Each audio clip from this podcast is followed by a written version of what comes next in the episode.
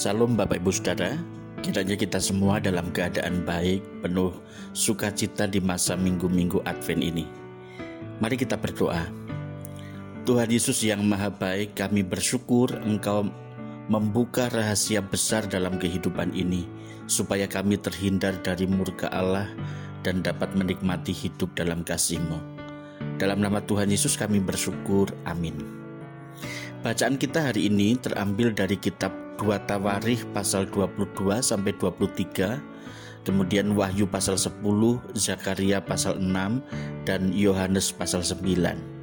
Secara khusus kita akan membaca dan merenungkan firman Tuhan dari kitab Wahyu pasal 10 ayat 10 sampai 11 berbunyi demikian. Lalu aku mengambil kitab itu dari tangan malaikat itu dan memakannya di dalam mulutku ia terasa manis seperti madu, tetapi sesudah aku memakannya, perutku menjadi pahit rasanya. Maka ia berkata kepadaku, "Engkau harus bernubuat lagi kepada banyak bangsa dan kaum dan bahasa dan raja." Gambaran mengenai gulungan kitab yang terbuka. Banyak penggambaran dalam kitab Wahyu itu diambil dari Perjanjian Lama. Misalnya, penggambaran mengenai gulungan kitab yang dimakan oleh Yohanes yang baru kita baca itu serupa dengan Yeremia 15 ayat 16 kemudian Yeskel 2 ayat 8 sampai pasal 3 ayat 3 masing-masing dari ketiga bagian itu menggambarkan gagasan tentang memakan firman Tuhan sebagai gambaran dari kehidupan yang kontras setelah enam malapetaka yang merupakan pembalasan sekaligus peringatan terhadap umat manusia, tampillah malaikat dalam sosok raksasa yang mempresentasikan pemberlakuan kekudusan, keadilan, belas kasih, dan kesetiaan perjanjian serta pimpinan Allah atas umatnya.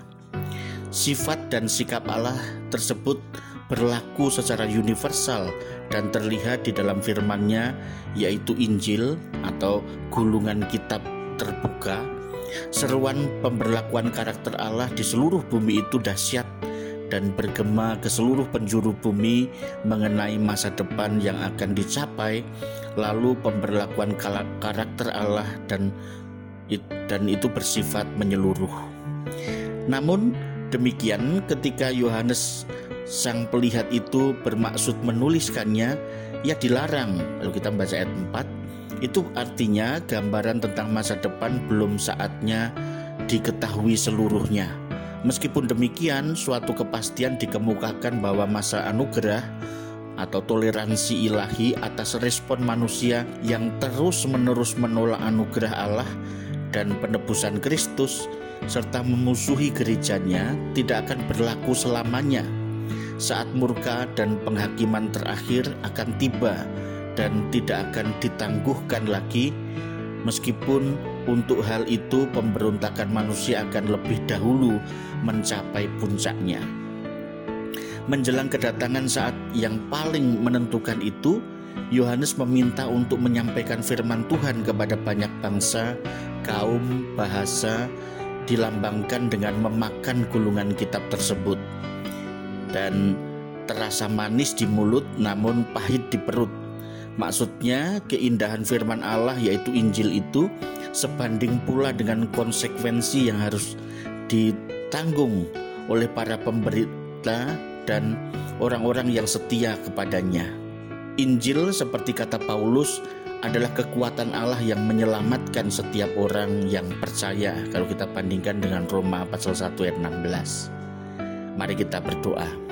Tuhan tolonglah kami supaya memiliki keberanian dan kekuatan untuk memberitakan Injil supaya banyak orang terhindar dari murkamu dan hidup dalam anugerahmu. Dalam nama Tuhan Yesus kami memohon. Amin.